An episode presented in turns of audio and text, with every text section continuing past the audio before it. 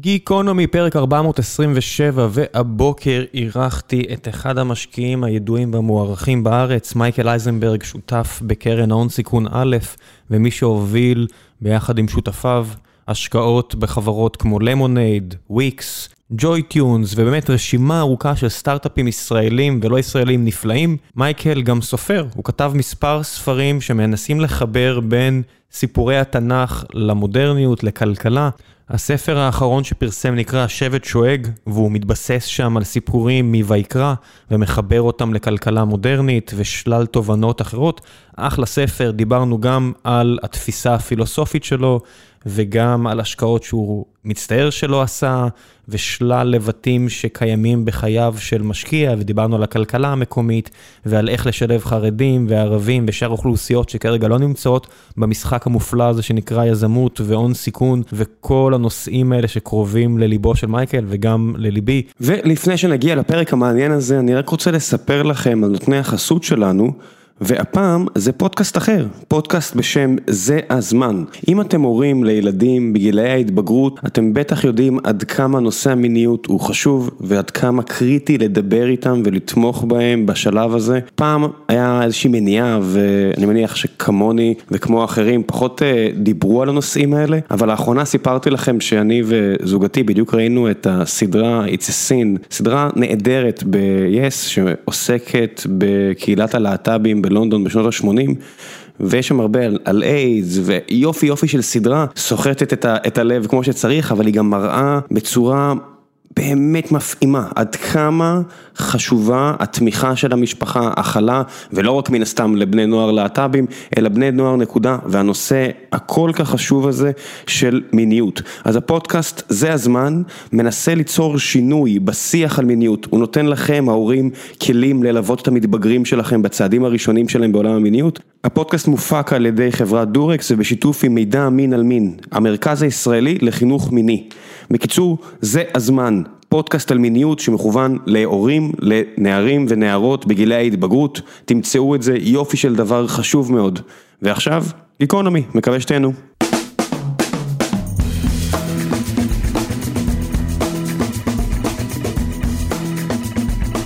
גיקונומי 427 והבוקר יש לי הזכות לארח את מייקל אייזנברג, אחד מהמשקיעים, הייתי אומר אפילו הידועים בארץ, הייתי אומר מהידועים בעולם, שותף בקרן ההון סיכון א', בעברך בבנצ'מארק, משקיע בכמה מהחברות המפוארות שקמו בארץ, אם זה למונייד, וויקס, ששוות מיליארדים ושלל חברות אחרות, פלוס מישהו שמעורב בכל מיני מיזמים חברתיים, אם זה השומר החדש, שחלק מהאנשים שעומדים בראשו היו פה כבר בגיקונומי ושלל תנועות אחרות. בוקר טוב.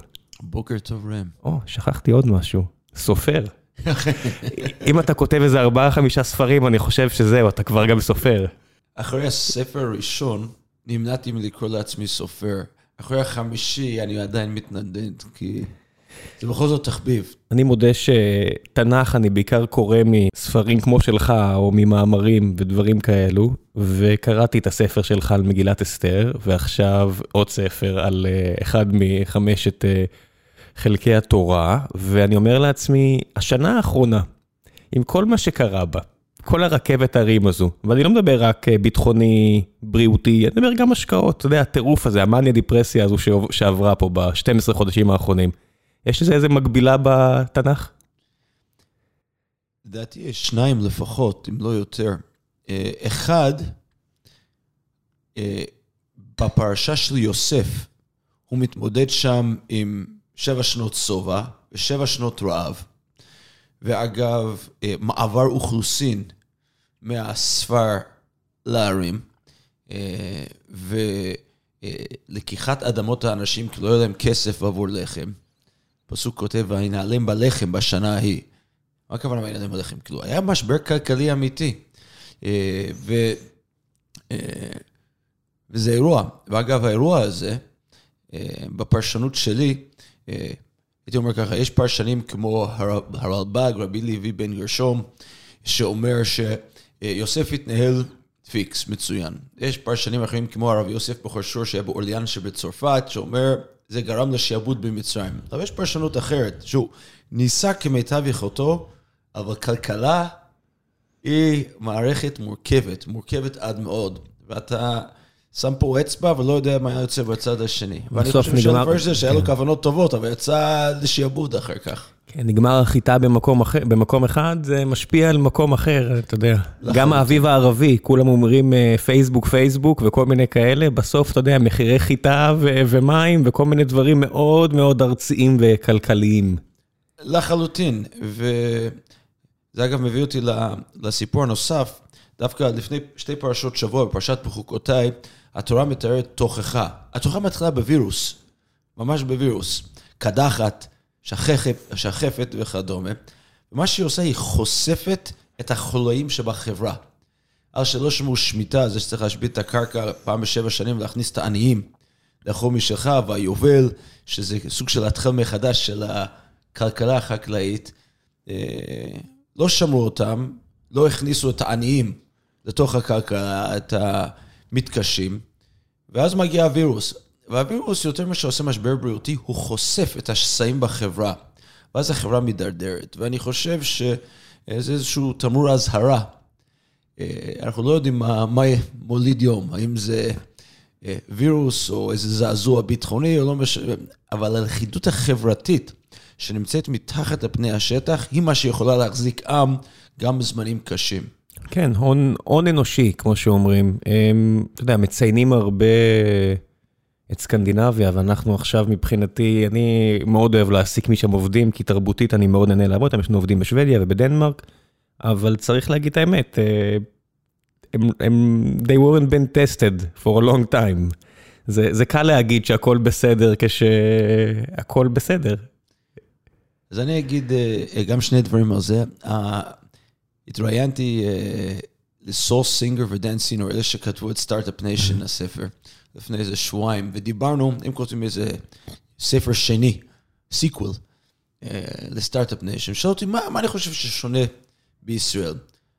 אה, אמרתי להם, resilience and optimism, חוסן ואופטימיות. ואני חושב ש- when you're tested, כשבוחנים אותך, אתה בונה חוסן פנימי וחוסן נפשי, ואני חושב שבארץ אנחנו בונים את זה בגיל יחסית צעיר. תיכוניסטים בארץ הזאת, בתנועות הנוער וכדומה, היות ואין שכבה מהם, כי כולם בצבא, מקבלים המון המון אחריות בגיל יחסית צעיר, וזה בונה אנשים. ואני חושב שזה מאוד מאוד חשוב. הדבר השני, אני חושב, יש פה נטייה מוזרה בעיניי, לחפש השוואות למקומות האחרים. אנחנו רוצים כלכלת סקנדינביה, they weren't tested. ה-OECD נהיה הבונטון החדש. ה-OECD זה חבורה של מדינות מצליחות והרבה מדינות כושלות. מקסיקו שם, הרבה מדינות שם. יוון, מקסיקו וכדומה, יש רגרסיה לממוצע גרוע uh, שם. אני חושב שאנחנו בני 73 פה במדינה הזאת, הגיע הזמן להגיד, לא סקנדינביה, לא OECD, משהו משלנו, אני קורא לזה בספר האחרון, כלכלת אחווה. זה לא סוציאליזם ולא קפיטליזם, זה משהו ישראלי ייחודי, כלכלת אחווה. ואני לא רוצה את ההשוואות ל-OECD, כי אני לא רוצה רגרסיה לממוצע, אני רוצה להיות הכי טוב שיש. ואני לא רוצה סטוקהום או אה, פינלנד, כי כמו שאמרת, they haven't been tested. זה כל כך שונה, גם, אתה יודע, אתה זוכר, אה, אתה פה מספיק שנים, אתה פה מתחילת שנות ה-90, וכשאתה היית ב... המבטא לא הולך. בסדר, לא משנה. אה, כל הקרנות הראשונות שהתחילו להשקיע בחברות, אז כל העיתונאים שאלו אותם, אתה זוכר איזה שאלה שאלו? איפה הנוקיה שלנו? איפה הנוקיה? כן. כל השאלות היו כל הזמן, בלי הפסקה, תחילת שנות האלפיים, אמצע שנות האלפיים, איפה הנוקיה שלנו, איפה הנוקיה שלנו? ו... וזה מרגיש לי, אם אני מרחיב את זה קצת, שמי שמנווט את הספינה זה הדגים בצד, ולא הסקיפר ואפילו לא הנוסעים, אתה יודע, אפילו לא ה passengers. מי שמנווט את הספינה פה לפעמים, מרגיש לי כאילו זה. זה הדגים בצד שצועקים אה, למה לא ימינה, למה לא שמאלה. אתה מרגיש את זה לפעמים? עם משהו ייחודי לישראל? פעם כתבתי על אה, נוקיה, when Nokia gets a cold, Finland gets pneumonia. אה, יש משהו בביזור בארץ הזאת שהוא מאוד מאוד בריא. אין נוקיה שנופלת ולוקח איתה את הכלכלה.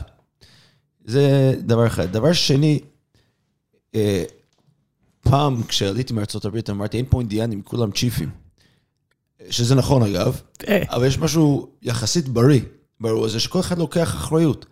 והיות ואני רוצה לקחת אחריות, אז אני בונה סטארט-אפ. ולכן אין נוקיה, כי אף אחד לא באמת רוצה לעבוד בשביל משהו שדומה לנוקיה. אפילו לא הפינים כבר.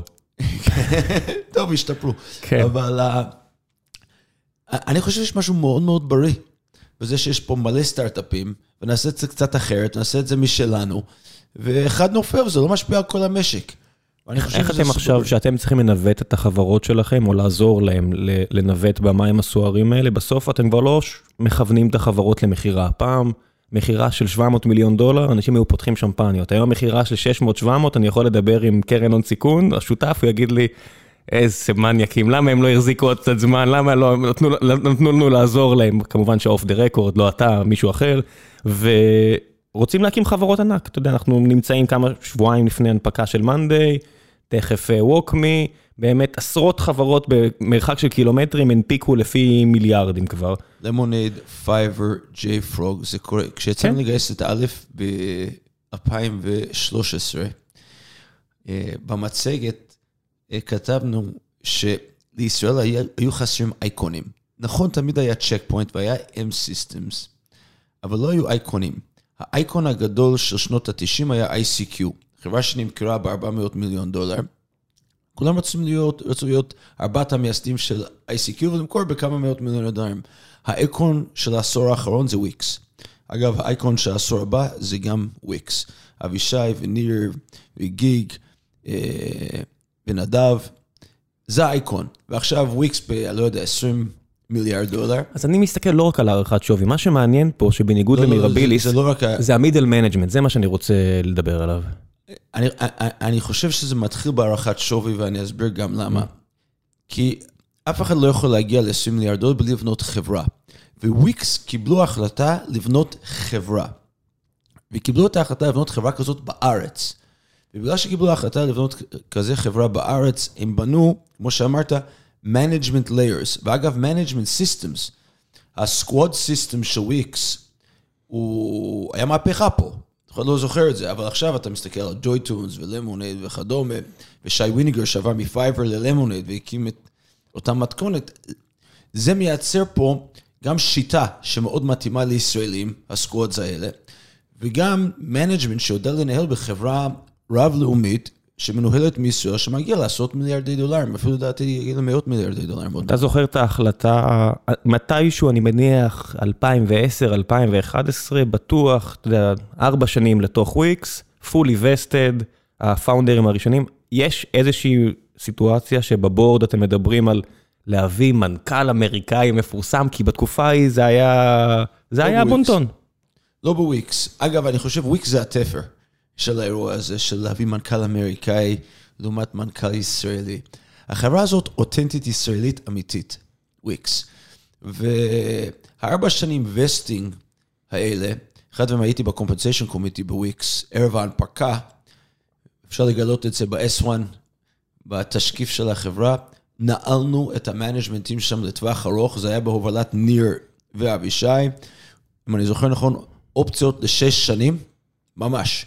אחרי ארבע שנים, עוד שש שנים? בוכטה אופציות, ערב ההנפקה הציבורית לשש שנים. ושירוויחו וירוויחו טוב. אני רואה את זה עכשיו עם מאנדיי. אנשים שאלו אותי עכשיו בתשקיף, אה, וערן חבר, אז אני לא אכנס פה יותר מדי לפרטים, אבל אתה רואה שרועי וערן עם 15 ו... 15 ו-5 אחוזים אה, בהתאמה, וזה המון לשלב שהם נמצאים, כי הבורד האמין בהם. כן. כי הבורד נתן להם ו- ונעל אותם לשנים האלה, והם באמת שם כל הדרך, והם הביאו את זה, והביאו את זה להנפקה. מה, אתה, אתה זוכר את, את, את ה mind shift הזה כמשקיע? אז קודם כל, אני, חו- זה כבר התפרסם, אני דחפתי להנפקה הציבורית שם. בוויקס? כן. תספר לי קצת על הרציונל. קודם כל, אני הייתי מעורב במלא הנפקות כבר בשנות ה-90, כן, הייתי, התחלתי בבנקאות כן. להשקעות, הנפקתי מלא חברות, ואז הנפקתי את שופינג.קום. אני מאמין ב-IPOs, נקודה. אני חושב ככה בונים חברות, ואני חושב שחברות טובות נבנות מתחת לעין הציבורית ולא ב private market. אני אה, נגד לחלוטין ה-stay private longer, הבונטון הזה של stay private longer. זה שלמונייד הנפיקה, אני חושב שזה בשורה, ואני חושב שזה ממצב אותה ומשפר אותה. כי העין החדה שמשקיעים של שוק המניות הציבורית, גורמת לחברות להיות יותר טובות לטווח ארוך. זה איתם staying power. יש סיטואציה הפוכה שלמשל, אני מסתכל על אה, סטרייפ, חברה מפוארת, מפוארת, מפוארת, שבוחרת להישאר פרטית. יש איזשהו, איזושהי סיטואציה שכמשקיע, אתה בדירקטוריון תגיד, חבר'ה, זה לא הזמן להנפיק? כשיש, הח... כשיש עסק אמיתי, כמו סטרייפ, כן? אם החברה לא יודעת לצפות את ההכנסות שלה, אז לא כדאי לה להיות public, אי אפשר לנהל את וול סטריט, זה אחד. שתיים, אם יש איזשהו אה, עקב אכיליס שצריך לכסות עליו, זה לא ציבורית. אני לא אשפוט את פטריק קוליסון וג'ון קוליסון, אני גם מכיר את שניהם והם אה, אנשים מדהימים. אה, אם אני הייתי ב board, הייתי רוצה שיהיו public, כנראה, אלא אם כן יש משהו שאני לא מבין שם, אבל אני נוטה להאמין בזה, אנשים, המנג'מנט שנמצא שם, וג'ון פטריק, אנשים סופר חכמים, מאמין שהם עושים את הדבר הנכון שם. אבל לטעמי, דניאל שרייבר כתב על זה שזה nascent IPO בלמונייד. כן, זה נתפס היום מוקדם. כשאני התחלתי בביזנס הזה, זה היה סטנדרטי לחלוטין שחברה בגודל של למונייד הייתה מנפיקה. מה, נטסקייפ הנפיקו ב-97 עם נכון. אפס הכנסות, זה לא איזה משהו ש... והם יצאו משם אנשים בסדר בסך הכל. לחלוטין, ו... ואחרים גם כן, בין אם זה היה יהו מלא. אגב, גם סיילספורס הנפיקו למה שהיום היה נקרא מוקדם, זה אימפריה. ואני חושב שלבנות חברה תחת העין הציבורית בשוק הציבורי, זה, בשוק המניות, זה, זה מה שצריך לעשות. ולכן אני מאמין ומקווה שיותר חברות ישראליות ינפיקו. זה משתנה? איך הדירקטוריון משתנה כשאתה עובר לחברה ציבורית? איך זה נראה מהצד שלך? קודם כל, אני ממש לא אוהב את זה, אבל הבטחתי לדניאל ושי ולמונייד שאני אשאר עד שיפטרו אותי משם. אה, זה הרבה יותר ביורוקרטיה, הרבה הרבה יותר ביורוקרטיה. תספר. צריך להיות חדים גם על, על כל הנושאים, אתה מפוקח על ידי הציבור. יש פיקוח ציבורי, יש פיקוח של הרשות לניירות ערך האמריקאית וכדומה. אה, אז כל התהליכים צריכים להיות מה שנקרא באנגלית button down יותר. בין אם זה תגמול עובדים, בין אם זה אה, ביקורת, אה, בין אם זה מה שנקרא governance, לא יודע אם זה משילות, זו המילה הנכונה. משילות, כאילו, איך ממנים דירקטורים. ציות, ציות נראה לי בעברית בנקאית. אוקיי. כן. גייסנו עכשיו ללמד שני תוכניות לדירקטוריון. אירינה וסילביה, כן? אז האם הם מתאימים לחברה ציבורית? לא מתאימות לחברות ציבוריות. ועוד אה, כל מה שאתה עושה, הוא חשוף לעין כולם. אז צריך לעמוד בציפיות, זה אירוע הרבה יותר מורכב. לוקח הרבה יותר זמן. כשאתה חברה פרטית, אבל יש יותר בנייה. זאת אומרת, התפקיד של הדירקטור, אה, לחפש management כל הזמן, אה, שינויים אסטרטגיים, לא שזה לא קורה בציבורית, אבל האיזון שבין הבירוקרטי, הייתי קורא לזה, לבין הציפייה הציבורית, לבין העבודה, מה שאני אוהב, קורא לו האמיתית, האסטרטגית, העבודה הנעלה, משתנה. אני, אני מודה שאני אוהב את הרעיון של הנפקה לחברות בארץ, ואילו בגלל שאתה יודע, נגיד מאנדיי, אם עכשיו מייקרוסופט היו קונים אותם, או סיילספורס, שזה בטוח עבר בראש למישהו שם בחברות האלה, והם היו מוכרים, ערן ורוי עוד היו מוצאים את עצמם בחוץ עם 100 מיליון דולר, הופכים להיות משקיעים בעצמם, חיים טוב. עכשיו שהחברה ציבורית, הם צריכים להישאר ולנהל את החברה, זה לא שהם יכולים עכשיו למכור ב-50 מיליון דולר, כי זה לא עובד ככה. הציבור... אז כל הכבוד להם. זה, אני אוהב את זה, כי זה בעצם מחייב אותם להקים פה חברה מאוד מאוד גדולה, ולעשות הכל, אתה יודע, dot the eyes and cross the t's, וזה מאוד חסר בישראל. זה מעורר השראה, ממש. בטח, בטח, זה מביא לי מוטיבציה. כן, זה מעורר השראה. אתה, אתה מקבל החלטה לקבוע פה יסודות אה, לכלכלה הישראלית, כמו שאמרת מקודם, לבנות פה middle management ו executive management שיכולה לנהל בצורה בינלאומית. אחד הדברים שאנחנו לא מדברים עליו, הוא, אני חושב, מעניין, אחד הדברים שהאינטרנט עשה, הוא אה, העלים את המבטא. זאת אומרת, פעם, כשהיית הולך למכור תוכנה, לא משנה, היית שולח איש מכירות, כשהוא מגיע מבטא ישראלי זה קצת פחות טוב, כן? אז היית מגייס את האמריקאים. בשנות ה-90 היה ציור, איור, במגזין ניו יורקר, של אה, מחשב עם כלב מאחוריו, וכתוב שם, על האינטרנט אף אחד לא יודע שאתה כלב, כן? פה אף אחד לא יודע שיש לך מבטא. אז כל החברות האלה, כמו מאנדי ולמונייד ואחרים, שיודעים לשווק באינטרנט, ואין מבטא באינטרנט, יכולות להתנהל מפה. ואני חושב שזו בשורה גדולה. אה, וערן ורועי ומיכה ושי ודניאל, חבר'ה מג'ייפרוג, שמנפיקים עכשיו חברות, אני חושב שזה אה, לא רק מעורר השראה, אני חושב שזה מסמן עתיד. אני אגיד לך מה העתיד מבחינתי. יש לי המון חברים בוואלי שאומרים לי, אנחנו רוצים לחזור, אין לי עבודה בארץ. אין לי, אתה יודע, המשכורת שלי כדירקטור בגוגל, אין לזה מקבילה בארץ, והתרגלתי לאיכות חיים, ואני מכבד את זה, אין לי בעיה. ועזוב את המשכורת, אין להם את אפילו את האחריות הזאת של לנהל קבוצה של 100 אנשים, כי אין חברות, לא היו חברות כאלה בארץ. פתאום, הנה ה-CFO שלנו, אני מקווה שהוא לא, לא, לא יחזור בו מההחלטה בגלל השבוע הזה, אבל הוא חוזר ארצה אחרי 15 שנה, היה בכל הבנקי השקעות, היה באפל, היה בליים, היה בכל מיני חברות גדולות, והוא חוזר ארצה, והוא יודע שהוא ינפיק את החברה מפה, מישראל, כי אפשר. זה משהו אחר, זה, זה יכולת להחזיר... אה, לחלוטין. בספר הראשון שלי, זה היה מגילת אסתר, אה, באפילוג, כתבתי שישראל חייבת להפוך להיות מגנט כלכלי. אה, סינגפור? בשביל למשוך את האנשים האלה. כי, אגב, בין אם זה ישראלים שעברו לשם, בין אם זה יהודים שמחפשים משהו אחר, אבל בני אדם הם, הם, הם, הם יצורים כלכליים. ומחפשים הזדמנויות, רוצים את האתגר המקצועי וכדומה, ובדיוק כמו שאמרת, יש לנו הזדמנות מטורפת להחזיר לפה ישראלים, להביא לפה יהודים, לשפר פה את ההון האנושי של מדינת ישראל ולהצמיח פה את הכלכלה. בכנס שהייתי שבוע שעבר אה, של אה, מקור ראשון, דיברנו על עלייה. הייתי שם מול איש הסוכנות, אה, איך קוראים לו? שמעון כהן נראה לי. שמעון כהן. הם אפילו לא יודעים לטרגט את האנשים האלה, לספר את הסיפור שלנו. יש פה סיפור שמישהו. בבנק ההשקעות, אפל, דורדש, לא משנה, יכול לחזור לארץ, להיות CFO. שבוע שעבר ניהלתי שיחה עם מישהו שהוא גם בנקאי, אה, אחד הבנקים הגדולים, הוא אומר לי, אני רוצה לחזור לארץ, תחפש לי תפקיד, אני בא, בקיץ אני בא. וזה קורה כל הזמן. אה, עוד מישהו שהיה בוואלי 20 שנה, דיבר איתי לפני חודש, הוא חוזר לארץ, יכול למנכ"ל פה חברה, הוא מכר שם חברה, ויש חברות בגודל הנכון בשביל להביא את האנשים האלה עכשיו, אבל צריך לספר את הסיפור הזה. כן, קצת מרגיש מישהו לי- שמקשיב לנו בוואלי, בניו יורק, עכשיו במיאמי, בבוסטון, תחזרו.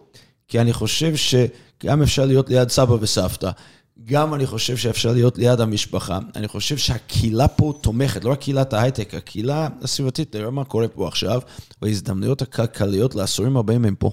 זה קצת מרגיש לי כמו אבוקדו, אם הוא מחזיר אותנו לשיחה הקודמת של אה, מתי להנפיק, לא להנפיק, יש איזה רגע נכון בחיי חברה שצריך להנפיק, אבוקדו יש לו בדיוק חמש דקות שהוא בשיא, ואז הוא כבר יוצא החוצה אה, ונהיה שחור.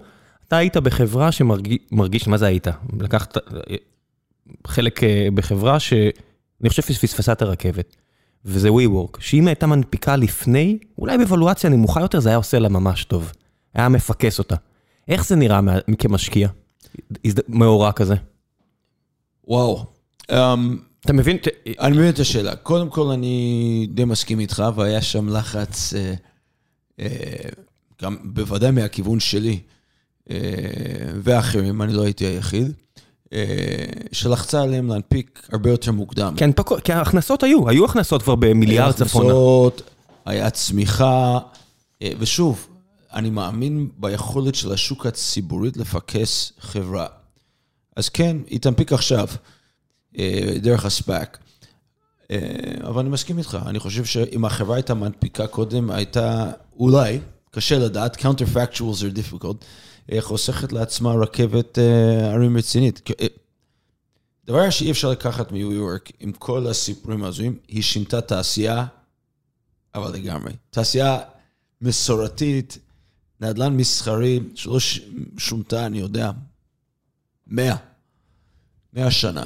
והיא שינתה אותה מהיסוד, והיא חברה עם הכנסות, ולפי המנכ"ל תהיה קשלו פוזיטיב השנה, זה הרבה לפני הרבה חברות שמנפיקות. ו... מה זה מנפיקות? זה הרבה לפני S&P 500, בוא נעבור כמה חברות אה, רווחיות, כן. לא המון. לא. אז uh, כן, אני, אני מסכים איתך. איך, איך זה נראה כדירקטוריון? אתה יודע, אני, אני מכיר את זה מהמשקיעים שלנו, שיש תקופות שהם שקטים יותר, יש תקופות שהם יותר בולטים. איך לפי דעתך משקיע צריך להיות בכל שלב בחיי סטארט-אפ? הרי משקיע שאתה מצטרף עכשיו, א', לא יודע מה, אז יוצא WeWork אחר, רון גור מקים חברה, איך זה בתחילת הדרך, ואיך זה שנתיים פנימה, ואיך זה ארבע, ואיך זה, לא יודע מה, שבע שנים פנימה. עכשיו אתה בחברה ציבורית אפילו. איך זה משתנה העבודה שלך? אחד הדברים שאתה לומד, אה, כאבא לשמונה ילדים, הוא שצריך לדבר אחר עם כל ילד. אז זה לא רק השלב של החברה, זה גם מי המנכ"ל, מי היזם, אה, איזה תחום הם אה, תוקפים. לא ביטוח, כי הרי uh, payments, דווקא זה יחסית קרוב, payments במיליו, וביטוח, אבל empathy, למשל שרון גורה, grieving. אז אני לא חושב שיש כללי אצבע.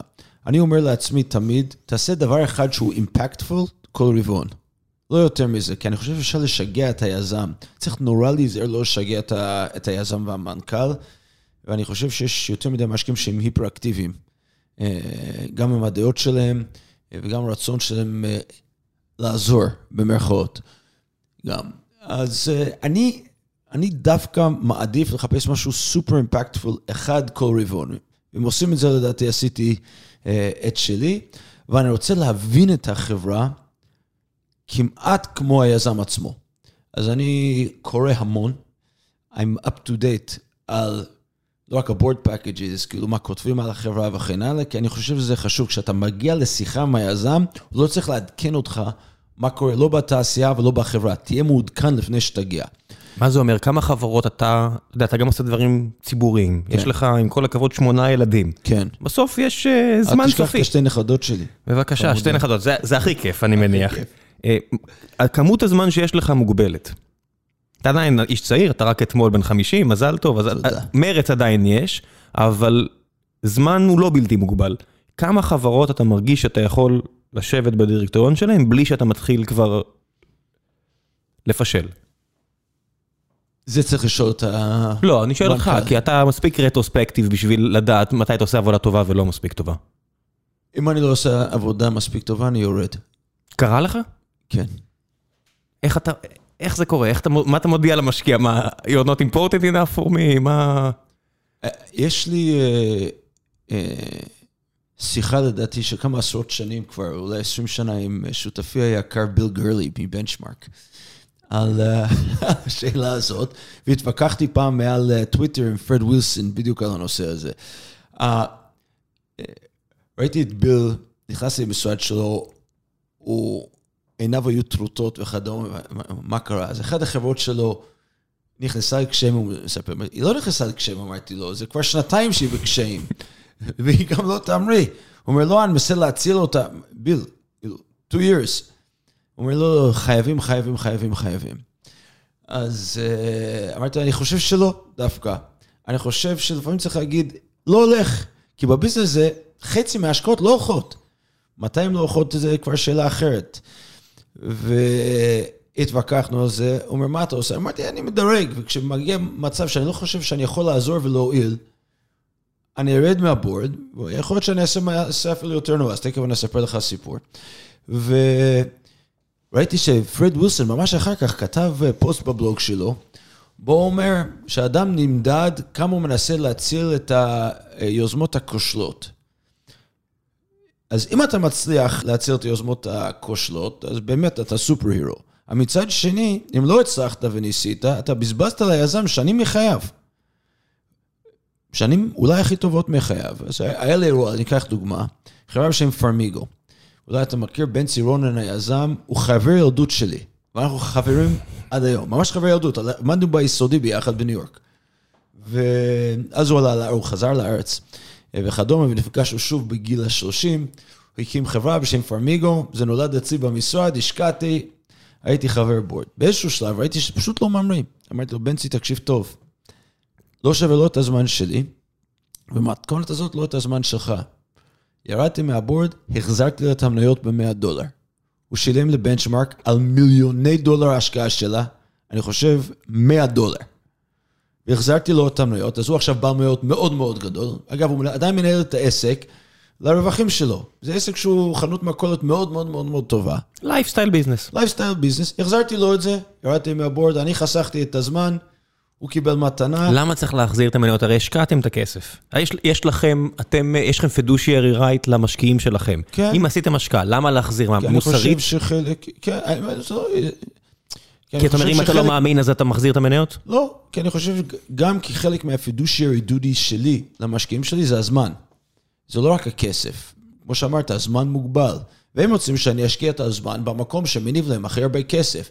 ואם אני פה עם החזקה משמעותית, שגם מעיק על החברה, כי בפרפרנס למעלה, זה לא טוב לא לזמן שלי, לא לזמן שלהם. ואם גם המשקיעים רוצים, שאני ביחסים טובים עם היזם.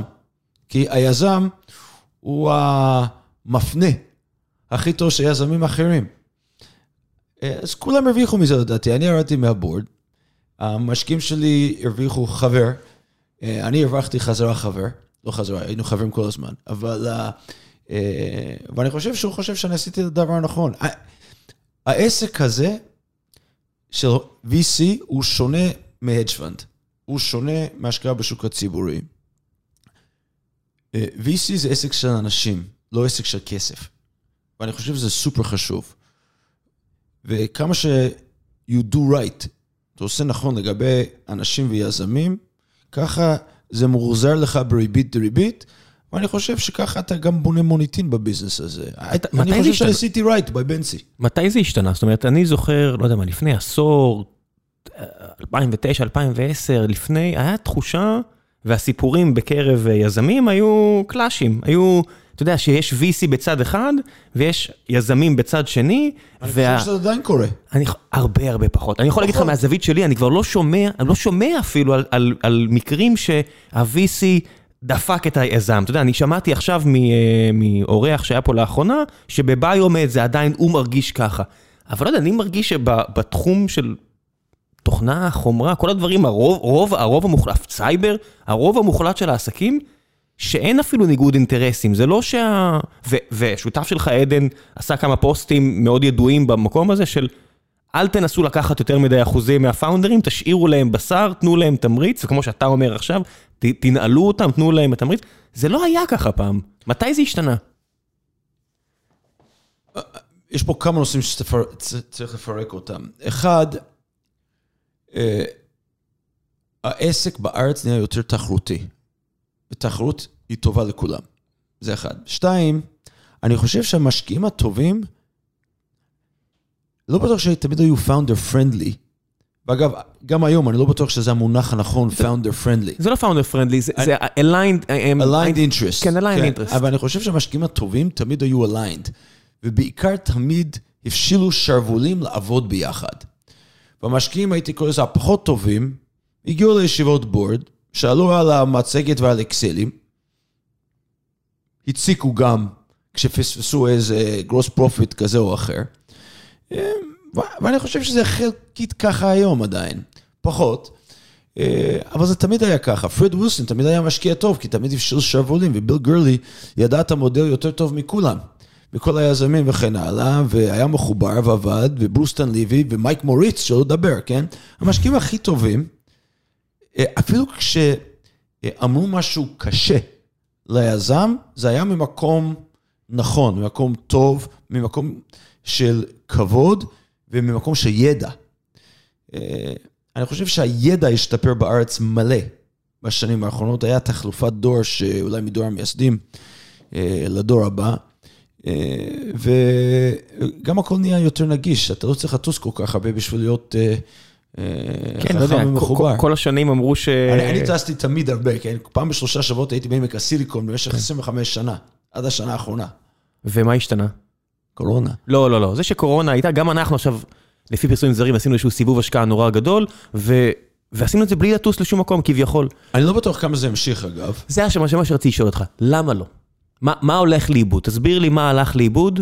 אז אני אגיד על עצמי, אני בקורונה לא עשיתי אף השקעה בזום. זאת אומרת, נכון, ההשקעה היחידה שעשית זה רון, ורון זה פה על כוס קפה. לא, עשינו יותר, לא הכרזנו על כל, עשינו הרבה יותר, לא הכרזנו על כל ההשקעות, אבל אני מודה ומתוודה שאני גרוע בזום. מה זה אומר? אתה לא יודע לעשות הערכה של הבן אדם? לא. אני משקיע באנשים ואני צריך להגיש את האנשים. אז הסתובבתי עם האנשים, הלכנו בשדות, הסתובבנו וכן הלאה, אבל אני לא טוב בזה. לא יודע אם זה בגלל שאני בן 50, אני לא יודע אם זה בגלל שאני אוהב אנשים. אני לא יודע מה הסיבה, אבל אני מודה ומתוודה שאני לא יודע להשקיע בזום. אני אגיד יותר מזה, זה יעניין אותי מאוד מאוד מאוד לראות בעוד עשר שנים איך יצאו ההשקעות בזום. אני חושב שזה הולך להיות סופר מעניין. ה-early stage. בגרוס זה כבר משהו אחר. כי זה אקסלים. בגרוס אתה בסוף מתעסק יותר באקסלים. כן, לא הכל אבל הרוב. כן, כי גם אתה יכול תמיד... pull the model forward, we say. כן, אתה יכול גם להחליף אקזקטיב אחרי מספיק שנים. בהתחלה אין להחליף אקזקטיב, כי זה החברה. כן, ואני רוצה לבנות יחסים. אני נורא מעריך את היחסים שלי עם היזמים, אני אוהב את זה. דניאל שרייבר חבר, ערן שיר מנקסר חבר, רון גורה. איך אתה משווה את זה לעומת הקרנות עכשיו שעושות בלאגן בעולם? אתה היית בכמה השקעות עם סופטבנק, לפחות שתיים שאני יכול לחשוב עליהן, ועכשיו יש את טייגר, שמנסים לעשות גם טקטיקה דומה, שעושים, לא יודע מה, 4-5 השקעות בשבוע זה מרגיש לפעמים, וכשאתה עושה 4-5 השקעות בשבוע, אין שום סיכוי שאתה באמת מכיר את האנשים האלה, ובאמת אה, רואה את הצוות, ובאמת מדבר איתם. איך אתה מסתכל על זה מהצד, מה יהיה עם הדבר הזה? לא יודע מה יהיה עם הדבר הזה, זה אחד. אני שואל, לא, לא כנביא, אני מסתכל כי, כי אתה בסוף גם משקיע חכם, אתה משקיע עם פילוסופיה מסוימת. טייגר, טייגר לדעתי, ואני נורא מעריך גם את uh, צ'ייס ואבן, הם חברים, אבן מיוחד, יש להם תפיסת עולם, התפיסת עולם הוא, היא, היא יחסית פשוט. אגב, לאינסייט לדעתי יש את אותה תפיסת עולם פחות או יותר. ה-asset class הזה, שנקרא תוכנה או טכנולוגיה, הולכת לגדול. ואם אני קונה את ה-asset class במספיק גודל, במספיק מוקדם, התשואה שלי יכה את השוק. זה אני חושב פחות או יותר המודל של טייגר, uh, והם קונים את ה-asset class ובנו מודל סופר, הם השקיעו עכשיו אגב ב-HoneyBook, כן? Uh, היה מהיר, מאוד מאוד מאוד. Uh, לא יודע, מה, מה יקרה עם זה? אני לא יודע. ככלל, אני, אני, אני חושב, אני מסתכל על השוק היום, אה, קודם כל יש אינפלציה. אני לא מדבר על שוק המניות עכשיו, אני מדבר על... מאני. חיטה. כן, אני מדבר איתך על תירס, אני מדבר איתך על עץ ו... ונחושת. commodities, שיקגו, לא ניו יורק. עלות הבנייה בארץ הולכת לעלות, אוקיי? בכל העולם היא עולה, הולכת לעלות. מכולה שחבר שלי הביא כל אה, שבוע או כל חודש הייתה עולה 25,000, עכשיו זה עולה 100,000. כן. זה העלייה, אנשים אה, צריכים להתעורר שמה שקורה סביבם. יש פה אינפלציה והיא גדולה, זה אחד. שתיים, באפט לדעתי כתב את זה בשנות ה-70, אינפלציה אה, מכה פחות בחברות עם... ROIC גבוה, return on invested capital שהוא מאוד גבוה. חברות תוכנה וטכנולוגיה, יש להם return on invested capital גבוה. פריון גבוה לכל עובד, אין uh, בעצם, אין, אין מפעל. נכון, נכון, למרות שתכף נגיע לעלות העובדים, אבל uh, שגם היא עולה, כי יש מחסור, אבל אם אתה מאמין שיש אינפלציה, ואם אתה מאמין שיותר ויותר מהכלכלה הופכת להיות טכנולוגיה, אז המפגש הזה בין high ROIC, return on invested capital, אה, בעידן אינפלציוני, אה, לבין אה, שיותר ויותר התוכנה אוכלת את העולם כדברי מרק אנדריסן, אז כנראה האסט קלאס הזה ירוויח הרבה כסף, וזה לדעתי מה שטייגר חושבים. ויש חלקים בתעשייה, זאת אומרת, אני מסתכל על ההשקעות שלהם, זה נראה כאילו הם ממש across the board, שאתה ועדן, אין לכם, אין לכם אפשרות על הכל, אתם צריכים לברור, אתם צריכים לבחור מה אתם משקיעים. במה אתה מסתכל עכשיו ואומר, not for me. אז קודם כל, א', בהגדרה הוא בוטיק. אנחנו מתייחסים למה שאנחנו עושים לא כאינדקס אה, ולא אה, כמבחר רחב, אנחנו רוצים להיות בוטיק, היי-טאץ', שעוזרת ליזמים למקסם את הערך של החברה ואת היכולת להיות מותג וחברה רב-לאומית בעשרות מיליארדי דולרים. כשהתחלתם, אתם ראיתם את אנדריסן הורוביץ בתור מודל? לא, לא, ממש לא. כי זה, זה די דומה למה שהם אמרו בתחילת הדרך. לא יודע מה הם אמרו בתחילת הדרך, אני לא זוכר, אבל, לא. אבל למשל, הם היו נכנסים לעסקאות אז במחירים אה, גבוהים בשביל לשים את הלוגו גם על ה... הייתי בבנצ'מארק אז, אני זוכר את זה, על, ה, על האתר, ובלי לזלזל, אני חושב שזו אסטרטגיה טובה. ו... אבל הם בנו גם capacity פנימי מטורף. עשרות אנשים, רק שותפים, כן. אנחנו בוטיק, אנחנו רק שותפים. כאילו, ארבעה שותפים שווים היום, תומר, אירון, עדן אה, ואנוכי, ויעל, שהיא ה-operating partner שלנו. וזה בוטיק, ואנחנו לא רוצים לגדול, להיות מהירים. אני שמעתי אתמול מחבר שלי, שהוא מכיר ארבע חברות בארץ שהקרן הראשונה שלהם הייתה או בחצי השני של 2016 או בתחילת 2017, וכבר מגייסים קרן שלישי. אנחנו התחלנו ב-2013, אנחנו עדיין באמצע להשקיע את הקרן השלישי. אז זה בוטיק, ואנחנו לא נשקיע בכל התעשייה ולא בכל יזם. אה, מנסים להיות ברענים. אני אגיד משהו שאולי יישמע...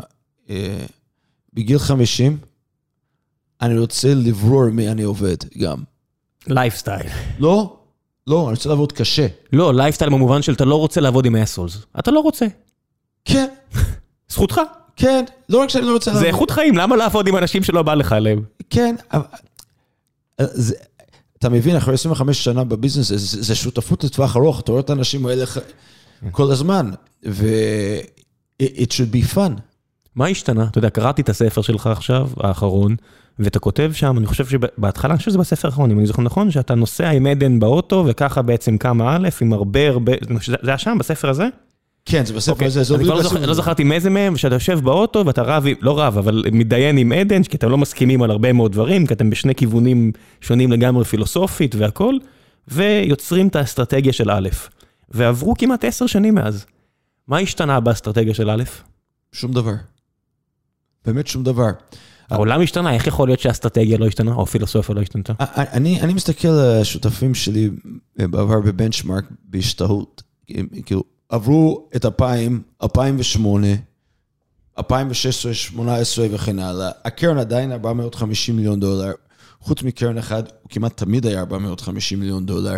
הם עושים בדיוק את אותו בוטיק עסק שעשו מקודם, והתשואה שלהם מדהימה.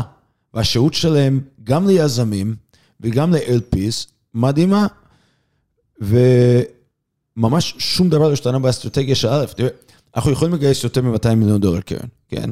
גם הקודם. ככה שמעתי מאנשים שאמרו לי שאתם לא רוצים את הכסף שלהם.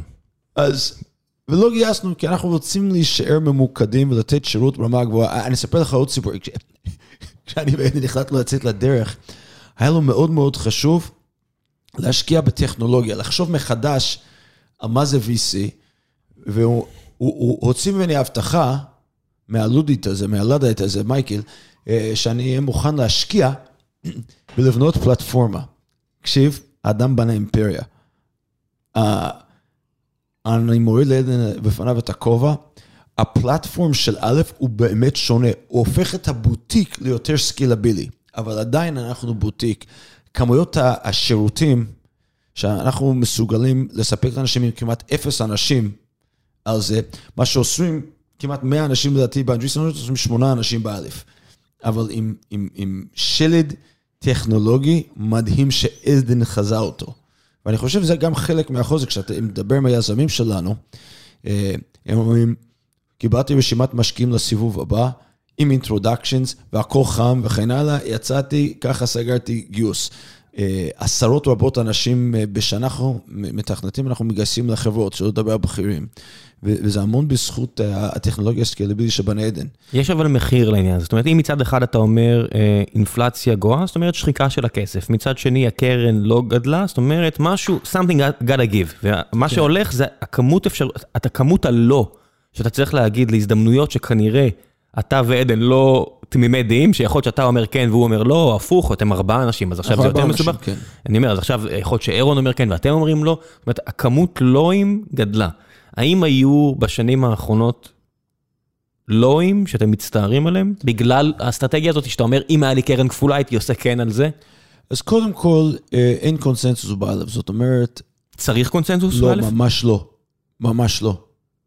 לא, לא צריך קונסנזוס. זאת אומרת, אתה יכול להוביל השקעה גם אם, המשקיע, גם אם השותפים שלך חושבים אחרת? כן, יש כזה rating system פנימי, voting system פנימי, על uh, איזה vote אתה צריך בשביל uh, לעבור את הרף.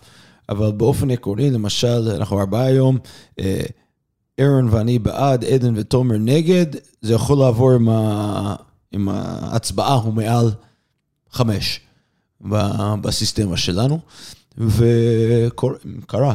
אגב, ג'וי-טונס, חברה מדהימה. אה, זה היה רק אני ועדן אז. אני לא רציתי להשקיע בג'וי-טונס, זה כבר לא סוד. אה, בסדר, נו, הכל, אה, הסוף טוב, אז מה זה משנה? לא, ועדן מאוד רצה. למה? תסביר לי שנייה, על מה חשבת למשל, למה לא? אני נורא פחדתי מ-churn rate ב-consumer subscription business דאז. וחשבתי שהצ'רן יהיה מאוד מאוד מאוד גבוה. זאת אומרת שאנשים יגיעו, יתנסו ויעזבו. ולא חשבתי שפסנתר יהיה מספיק לבנות חברה גדולה. אבל הם הוכיחו שאני טעיתי. איך, איך שכ... בסוף, בסוף אתה אומר לא צריך לשכנע, אבל... הם לא שכנעו אותי. אני מבין, אבל איך אתה עכשיו, אתה, אתה מנסה לשכנע? את עדן. אתה, אם אתה לא חי... הנה השאלה שלי, אם אתה לא חייב לשכנע, אם אתה עדיין מנסה? אני לא הבנתי את השאלה. הרי עכשיו אתה, אתה יכול אה, למצוא את המדרג, אתה אומר, אוקיי, לפי הקריטריונים האלו, אני יכול להעביר את ההחלטה, החברה, הקרן תשקיע. האם אתה עדיין מנסה to get them on board? ברור. איך אתה עושה את זה? אבל לא, לא פשוט to get them on board. אם אתה מכבד את השותפים שלך, אתה רוצה את דעתם. ואתה רוצה להבין, לאחרונה בחנתי השקעה שרציתי להעביר אותו. ולאחד השותפים היה, היה אינסייטים מאוד מאוד מאוד טובים. עדיין רציתי לעשות את ההשקעה, ואז השתכנעתי שלא. כמה שבועות לאחר מכן, אה, סיפור דומה, אה, אותו שותף, אה, והוא הצביע נגד, או ממש הצביע נגד, אבל עשינו את ההשקעה גם כן, גם ככה. וניסיתי להסביר לו, הוא אומר, אני שומע את הטענות שלך, אני חושב שאתה טועה. והנה למה אני חושב שאתה טועה. לא, אני חושב שזה נורא בריא. א', הוא... א', הוא מקום מאוד מאוד מאוד בוטה, ישיר. ג'וז. והציפייה שלו לא תיכנס למגננה. תקשיב, תפנים, תחשוב, אתה יכול להסכים או לא להסכים. אסום best interest. מה? אסום best interest. אבסולוט, best intent and best interest. איך אתם, כשאתם עכשיו מסתכלים על, אה, מצטער ככה שאני חופר, כי זה דברים שנורא מעניינים אותי מהצד. תחפור. אה, בסוף, אתה יודע, למשל שהקמנו פה את סטרים אלמנט, אז באתי לאחד המשקיעים שאני מכבד, והוא אמר לי, אה, זה חברה טובה, אני אשקיע מהכסף הפרטי שלי, אבל לא מהקרן שלנו, זה, זה לא אתם, זה לא אתם, וכי אני חושב ש-the best outcome זה מכירה לאחת הענקיות, 70 מיליון דולר, 65 מיליון דולר, זה הכל. עכשיו אני אומר, אוקיי, זה נשמע כמו שיקול טוב, ואז באמת יש את העניין הזה של... outcome כזה טוב למשקיע פרטי מהכסף שלך, כי זה 2, 4, 5 איקס על הכסף, זה כולם ישמחו בארבע שנים לעשות 4 איקס על הכסף, אבל לקרן זה לא, לא מספיק טוב. אז כשאתם מעלים את הטיעונים, אתם באמת שמים כזה איזה bottom line, ה-outcome אה, שאתם חושבים שיהיה? לא, לא, זה... או שאתה אומר זה go no go, או שאתה אומר, תקשיבו, זו השקעה שבמקרה הטוב תהיה 200 מיליון דולר, זה לא בשבילנו. זה טיעון שעולה כל הזמן. טיעון שעולה כל הזמן, אבל הציפייה היא שאף אחד לא יביא אה, הזדמנות שלא חושבים שיכול להיות פי 20. זה היום היעד? 20x? כן. ואתה כן. צריך לדמיין, אוקיי, בשביל 20x אני אצטרך לחזק את הפוזיציה פעמיים שלוש, או שזה לא יורדים ל... לרזולוציה הזו? לא, יורד. כאילו, כל אחד מביא את הזווית שלו על, ה... על העסקה. אבל כן, פי 20 אה, על הכסף, ומה צריך לעשות? כן, צריך להביא הלאה, לא צריך להביא הלאה, מה צריך לחזק? אה, כמה כסף זה ידרוש אה, בעתיד. מה שאנחנו כן עושים, זה משהו שלמדתי ממייק מייפלס, אני חושב. אה, זה משהו שלמדתי ממייק מייפלס, אני חושב. פעם בחודש אנחנו עושים Outcome Projection לכל חברה. כל חודש? כל חודש. פעם בחודש. אתם מקבלים עדכונים כאלה בכזה ליטל? לא, לא, לא, לא, אבל בלי להסתכל על מה כתבת קודם. זאת אומרת, על עיוור אתה כותב פעם בחודש כמה דולרים אתה מצפה לקבל מכל השקעה בכל הקרנות. כן, ואפילו למשל תומר הצטרף, אנחנו מכריחים אותו לכתוב על קרן אחת שלא היה פה בכלל. אה, כי, כי, ואז כשאתה צריך להגיע ל-follow-on investment, זה נורא טוב להסתכל אחורה על מה ראית שם ומה חשבת ואיפה כולם. זה, נור, אה, אה, זה נורא משקף, זה סופר מעניין, גם את ה-biases. וואו, זה, זה, זה תהליך uh, כל כך מעניין, אבל אני, אני, עכשיו שיש את כל ה... בסוף השנה האחרונה גם הקפיץ אבלואציות, ואחת ה... אחת ההחלטות שמגיעות אליך כשהאבלואציות קפצו, זה מתי לצאת החוצה. זאת אומרת, אני רואה למשל את מה שיואב ו-YL עשו עכשיו, שבאחת החברות שלהם, לא משנה איזו, למרות שזה פומבי, אפשר לקרוא בעיתון, הם החליטו לצאת. זאת אומרת, החברה עפה למעלה, מגייסת לפי צפונה ממיליארד דולר לעניות דעתי, ואותה קרן מחליטה, we had enough, לפי האסטרטגיה שלנו, we had enough. שאתם קרן בוטיק, מה זה we had enough? לא יודע, זה לא קרה לנו עדיין. זה יכול לקרות? אני לא יודע. זה, זה, זה עתיד שאי אפשר לצפות אותו, הכל יכול לקרות, כן? אני חושב שהש... אני אחלק את השאלה שלך לשניים. אם אנחנו נחזור למה ששאלת מקודם על stay private longer לעומת חברת ציבוריות, אני שומע המון היום, במיוחד ממשקיעים צעירים, this time is different, הוואלואציות למעלה, כאילו, companies are getting bigger, והכל גם נכון.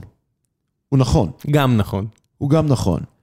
אני לא בטוח שהליקווידיטי הוא יותר טוב, שהנזילות יותר טובה. כן יש מאנדיי, כן יש פרוג וכן הלאה, אבל רוב החברות עם הוואלואציות הגבוהות הן לא ליקוויד. זה אחד. אז רגע, בוא נפרק את מה שאמרת, לא ליקוויד זה במובן של ההנפקה לא קרובה מספיק ואין מי שיקנה אותם. ואגב, עד שהיא לא קורית ועד שלא יצאת, זה לא כסף. זה פאני מאני. זה על הנייר. זה על הנייר. והוא טוב לספר סיפור, אבל אי אפשר לקנות איתו חלב, אוקיי? למרות שמותר לך למכור... אה, רגע, רגע. סקנדרי נגיע אחר כך. זה, כן. זה, לכן אני מחלק את השאלה לשניים. אז יש המון, המון מרקאפס עכשיו, כאילו אנשים שעל הנייר שמים את הוואליואציה פה, אותו בן אדם שדיבר איתי על הקרנות שהתחילו ב-2016-2017 וגייסו כבר שלוש קרנות, הוא אמר לי, תראה, אני הסתכלתי, כולם מעל 3x. אמרתי, תשמע, זה מדהים, אני באלף שתיים שגויס פחות או יותר באותה תקופה, יש לי את uh, מיליו ועוד חברה שהסתלתי איתה אבל גייסה במעל מיליארד דולר וכן הלאה, אבל אני לא בטוח שאנחנו מגיעים לתוצאות האלה. Uh, איך זה? אז הוא אמר לי, מה, לא יכול להיות, אתם בוודאי מעל 3x. אמרתי, לא, לא, לא, לא, לפי לא, מה ש... אנחנו כל חודש בודקים. כן, לא לפי מה שראיתי. אז... Uh, אז הוא אומר, לא יכול להיות. ואז כשאתה חופר, אתה מבין שאנשים לוקחים גם את השווי של הסיבוב האחרון, ודברים אופטימיים, וכותבים שהם מעל 3x, אה, וזה לא נזיל. ואחד הדברים שאתה לומד בביזנס הזה לאורך זמן, הוא אה, עד שאתה לא נזיל, אתה לא נזיל, ומיליון דברים יכולים לקרות. מה, אתה היית בווי-וורק, אתה יכול לכתוב את הספר על מה יכול אה, לקרות. כן, על מה קורה בדרך לנזילות והנפקה, והיא לא קורית כל הזמן כמו שאנשים חושבים. אז זה, זה כאילו צד אחד של, ה, של המשוואה הזאת. אז בוא נגיע לסקנדרי עכשיו, שאתה כקרן יכול להשתתף. כן, הנושא השני של YL במקרה הזה למשל, ואני לא מכיר את המקרה הספציפי. גם אני לא, אני מסתכל מהצד, זאת אומרת, הם היו פה, אבל אני מסתכל מהצד, לא דיברתי איתם על זה. יכול להיות שהוא יסתכל, הוא אומר, הגודל של הקרן שלי X, אני יכול להחזיר עכשיו פי X על הקרן, אז אני לוקח את זה הביתה. ולא יודע מתי אני אראה הזדמנות נזילות פעם נוספת. וכמו שאמרתי, עד שזה לא נזיל, זה לא, זה לא נזיל. פרד ווילסון דגל באותו שיטה, בטוויטר הוא מכר כל הדרך למעלה, אז הוא לא מקסם את ה-outcome. עכשיו, הדבר הזה הוא טריקי. הוא טריקי משתי סיבות. אחד, אתה צריך להיות בטוח שזה לא איתות למשקיעים הבאים שיש פה בעיה בחברה. הנושא השני בו זה טריקי, אתה לא יודע איך זה ישפיע על היחסים שלך מהיזם הזה לטווח ארוך. ומי שחשוב במשוואה הזאת, זה דווקא לא ה-LP, זה היזם. כי היזם ימשיך לתת לך ערך גם בחברה שלו, גם להיות רפרנס טוב ליזמים אחרים, ולכן צריך לשקול טוב טוב, או לנהל ציפיות טוב טוב, כשאתה עושה את זה ליזם. עוזר לך שאתה כל כך הרבה מתעסק בתנ"ך, ואז יש לך ראייה של אלפי שנים, לא יודע, 2,500, 2,000 שנה, כשפה כולם יכולים להתעסק בהיסטריה של חודש קדימה, חודש אחורה? ראייה היסטורית? כשיצא הספר הראשון על בראשית, יצא מגילת אסתר, אחר כך על בראשית שמות ויקרא. כשיצא בראשית עץ החיים והכסף, אמר הרב בני לאו, מהספר של מייקל למדתי שאנשים לא משתנים. אלפי שנים, אנשים אותו אנשים, אותן בעיות כלכליות וכדומה, יחסים, יחסי משפחה, אנשים לא השתנו. אני חושב שזה נכון. אני חושב, אני אגיד את זה בצורה הכי בוטה שיש, אני חושב שלימוד תורה ככלל ולימוד תנ"ך, אה, לא רק מעשיר את האדם, בעין ובאלף, אלא מעשיר את ההבנה שלנו של האנושות ותהפוכות העולם גם כן, ואת נפש האדם. ואני חושב ש-VC זה השקעה בנפש האדם. האנשים, יש דרכים יותר קלים לעשות כסף מלהיות יזם של חברת סטארט-אפ. ואנשים מאוד מאוד חכמים ומאוד מוכשרים, אבל הם בוחרים לשנות את העולם.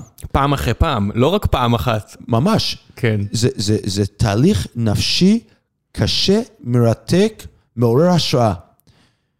ואני חושב ש, ש, שהתורה עוזרת לנו להבין את נפש האדם, וההיסטוריה עוזרת לנו, אה, אני פותח סוגריים, אנחנו עכשיו באמצע המלחמה עם חמאס, ואתה יודע, כל התקשורת הבינלאומית צועקת על אה, הרוגים אה, בעזה, ובאמת כל אבידה של נפש היא אבידה. הם שכחו לומר כמה אנשים נפלו בדרזדין במלחמת העולם השנייה, לעומת לונדון, למשל. אף אחד לא שואל למה חיל האוויר הבריטי תקף את דרזדין בגרמניה. אז תהליכים היסטוריים והתנ"ך ככלל נותנים לנו פרספקטיבה ארוכת טווח והרבה יותר ארוכת טווח מציוץ בטוויטר. ואני חושב שזה מאוד מאוד חשוב. אני חושב שבאופן כללי יש בעיה עם המיידיות הזו. זה קצת מעוות את המחשבה, אני, אני רואה גם שאתה חושב, זה כמו גלים אלקטרומגנטיים, שאתה חושב קצר, אתה לא יכול לעבור, לעבור אה, אין מורכבות היום. אתה לא יכול לעבור קיר, לא יעזור כלום. סטארט-אפ זה, זה אורגניזם מורכב, והחיים הם מורכבים, ואנחנו מנסים לצמצם את הכל לאיזה ציוץ קטן, אה, או לאיזה פוסט בפייסבוק מתלהם. זה לא עובד ככה. עזוב את זה. החיים לא עובדים ככה, ואי אפשר כן. גם לנהל יחסים עם יזם בציוצים. אני גם רואה מנכ"לים או PMים שמנסים להעביר פילוסופיה ב-150 מילים. כן. אריסטו ואחרים ואפלטון כתבו אה, דיאלוגים או דיברו דיאלוגים ומישהו אחר כתב כדי להעביר רעיונות יחסית פשוטים, אבל הם היו צריכים לכתוב ספרים. אני עכשיו קורא את הספר של אה, מריו ליביו על גלילאו, ואתה רואה שאנשים היו צריכים to be verbose, היו צריכים לנסח מילים, ועכשיו יש איזושהי כוונה של, אתה יודע, אם זה לא נכנס לתוך ציוץ, עזוב, זה לא רעיון טוב. גם צריך זמן לחשוב. אני, בכמה עשרים שכתבתי, אנשים משתאים, כאילו כמה יוזרים יש לפייסבוק ויש לטוויטר וכדומה. התנ"ך, כנראה יש לו את מספר היוזרים הכי גדול בכל ה... כל הזמנים. זה מדהים. ואריסטו עוד יותר, והרמב"ם זה יותר מפייסבוק וטוויטר, כנראה ההשפעה שלהם. אני תוהה לפעמים כמה השפעה יהיה איזה פוסט בפייסבוק או ציוץ בפייסבוק בעוד, עזוב מאה, עזוב אלף שנה, בעוד עשור. עוד שבוע. עוד שבוע. כן. בני, בני אדם צריכים זמן לחשוב, כמו שסטארט-אפ לוקח עשור להתפתח, צריך זמן גם לחשוב ולהתבטא במורכבות, כי העולם מורכב, הוא מורכב, נפש האדם מורכב. טוב, המלצות, מייקל. תן לי המלצות על... רגע, אני רוצה לחזור, לפני שאני מגיע לשלב ההמלצות, אני בכל זאת רוצה לשאול אותך על, אה, על כל מה שקורה עכשיו עם, אה, עם הסקנדריז והכל. אה, אתם כקרן נגד? מה השאלה? לעצמכם, כקרן. אתה רואה סיטואציה שבה אחד השותפים יגיד, הגיע הזמן לצאת מהחברה הזו ו... ש... זה לא קורה לנו עד עכשיו, הכל יכול לקרות, אני לא, לא רואה קורה את זה עכשיו. לדעתי, למשל במיליו היינו יכולים לצאת בסקנדרי, היינו רוצים, אבל מי רוצה לצאת ממיליו? הבנתי אותך. ואתה יודע, מתן וזיו ואילן, אני רוצה להיות עם האנשים האלה עוד עשור. אני לא רוצה לוותר על זה. חלק מהתהליך פה, זה בספר האחרון, אני קראתי לכלכלה הישראלית כלכלת אחווה. כן, יש לזה תיאוריה שלמה. אני חושב שחלק מהתובנה שלי נולד מהיחסים המאוד אישיים וטובים עם היזמים. אני אוהב לשבת עם שי וויניגר בשני בורדים, חוץ מלמונד ובלמונד. אני אוהב לשבת לכוס קפה עם דניאל שרייבר. אני אוהב לשבת עם מתן ואילן וזיו, לדבר אסטרטגיית מיליו. לראות איך אנחנו יכולים to keep small business in business. כן. אני נהנה מזה. יש סיכוי ש... זו רק הנאה. זה הנאה אינטלקטואלית, אני חושב שזה חשוב. יש סיכוי שיש פה עכשיו בעיה עם uh, יזמים חדשים. זאת אומרת, אני רואה, מה שקורה עכשיו זה שאם אתה יודע מה אתה עושה, היכולת לגייס uh, נהייתה קלה יותר מאי פעם. מצד שני, ליזמים מתחילים, שבא אליי, או בא בטח, אה, בא אליך, אני יודע שהפניתי אליך רק לאחרונה מישהו, אה, כמעט אני רוצה להגיד לו, ואני לא אעשה את זה אף פעם, Don't do it. המשחק נהיה כל כך מורכב, זה כל כך קשה, צריך לדעת כל כך הרבה. אולי תשתפשף באיזה חברה, 2-3 לפני שתעשה את זה, בניגוד לפעם שהייתי אומר, כן, לך זה. כי אתה יודע, יש, יש כמות ההשקעות יורדת, הכמות של הכסף בכל השקעה עולה, וזה נראה כאילו היתרון של יזם מנוסה, שזה הפעם השנייה או השלישית שלו, כל כך הרבה יותר גדול מאשר לפני כן. היזמים המנוסים לא ממקסמים ואליואציה, או בסיבוב הראשון ולא בסיבוב השני, ממקסמים שותפים. זה קורה כל פעם, והיזמים הלא מנוסים, אני, אני רואה את זה לאחרונה המון, לדעתי מאפטמים את הנושאים הלא נכונים. תן לי דוגמה. כמה כסף, כמה מהר, וכן הלאה, לא חושבים על ה-value. אני, מה שאני מחפש, אני רוצה שכל יזם יכול להתקשר ליזמים שאני ב board שלהם, ויגידו להם, למשל, לא שאני מחפש את ה discount הזה, אבל שווה לקחת את א', את מייקל ב discount של 25 אחוז, בשביל, כי אתה תקבל את זה חזרה בעתיד, והחברה שלך אה, תצא יותר טובה. עכשיו, זה לא אומר שאני אתן את ה discount של 25 אחוז, אבל אני חושב שהערך של א' חייב להיות שווה לפחות 25 אחוז יותר מכל מתחרה. ככה חושבים על מה אנחנו עושים. יש בעיה עם הציבוריות, מייקל. אה, לא מספיק מדברים אה, על יזמים ועל אה, משקיעים, זאת אומרת, כל קבוצה קצת שומרת את התפוחים הלא טובים, הידן. זאת אומרת, משקיע אמר לי שיש יותר מדי משקיעים בעייתיים שלא יודעים עליהם, ויש יותר מדי יזמים בעייתיים שלא מספרים עליהם. אולי כזה קומו, אתה יודע, אחווה כזו, כמו שאמרת, ויש עניין, אתה יודע, ציבוריות זה דבר חשוב, כי התעשייה צריכה להתבגר, כמו שאמרת, אי אפשר אה, לעזור אני... לכולם. אחד הדברים שמדהימים אותי, אני רואה יזמים צעירים שלא מתקשרים ל-references על ה-VC. אני, לזה, לזה אני מתייחס. אה, אה, זה, זה באמת מדהים, אנחנו אומרים להם, תראה, זה רשימת היזמים של א', כולם נכשלו יותר, הצליחו פחות, הצליחו יותר, נכשלו פחות, הכל טוב, תתקשרו לכולם, אבל יזמים לא עושים את זה. והם לורטים אחרי הכסף עכשיו, והכסף כן. זמין על הרצפה. אני אגיד לך, אני רואה, יש לי קבוצת אה, CTOים לא שאני חבר בה, ויש לי קבוצת CTOים שאני חבר בה, ושואלים שם אה, מי על משרדים ועל איזה אה, vendor ל cloud, ועל איזה vendor ל pen-testing, ועל עובדים ועל הכל. על משקיעים לא שואלים, אתה יודע מתי אני שומע על משקיעים? רק בשיחות שאף אחד לא מסתכל ימינה-שמאלה, מישהו בא אליי, אומר לי, תגיד, הקרן ההיא וההיא שראיתי שהשקיע אצלך או הפעם או פעם שעברה, איך היא? איך הם, איך השותפים, אבל בקבוצה אנשים אה, נזהרים, אני לא יודע למה. אני... אני גם לא יודע. זה חשוב. זה חתונה. כן, משקיע לא טוב או יזם לא טוב זה סיוט. לשני הצדדים. כן. ואגב, אני ראיתי לא פעם ולא פעמיים משקיעים, אה, הורגים סטארט-אפים. מה זה, הרבה פעמים, מה הכוונה? מה זה כן. לא פעם? גם הפוך. אתה יודע, יזם שממרר לך את החיים. כן. כן, אני כן? אני כן? בטוח ש... כן, ברוך השם לא יצא לי הרבה אה, בשנים האחרונות, אבל כן, זה קורה. זה בסוף שעות מהחיים שלך שאתה צריך להתעסק עם איזה משוגע. אני זוכר פעם. בתחילת הקריירה שלי, אה, אה, שלי, זה לא היה חברה שלי, היה לנו את זה בישראל סיד, אתה יודע, בתי משפט וסיפורים, ומי רוצה את הדבר הזה? לא צריך. אז על מה, אתה יודע, שאלה אחרונה, על מה אמרת לא ואתה מתחרט? על מה אמרת ג'וי טיונס, אבל בסוף בג'וי טיונס. לא, זה... זה, זה, זה קל, זה השקעתם, אז זה, זה לא, קל להגיד. לא, אמרתי כן לדבר הנכון, השותף, עדן. על מה בכל זאת אמרת לא ואתה מתחרט? אמ, שאמרתי לא ואני מתחרט. תשמע, עדן אמר למשל שהוא היה פה, הוא אמר על למונייד, אה, הוא אמר שהייתם יכולים לחזק בלמונייד, ואתה רצית והוא לא, והוא מתבאס על זה. אז הנה נכון. דוגמה מהצד שלו.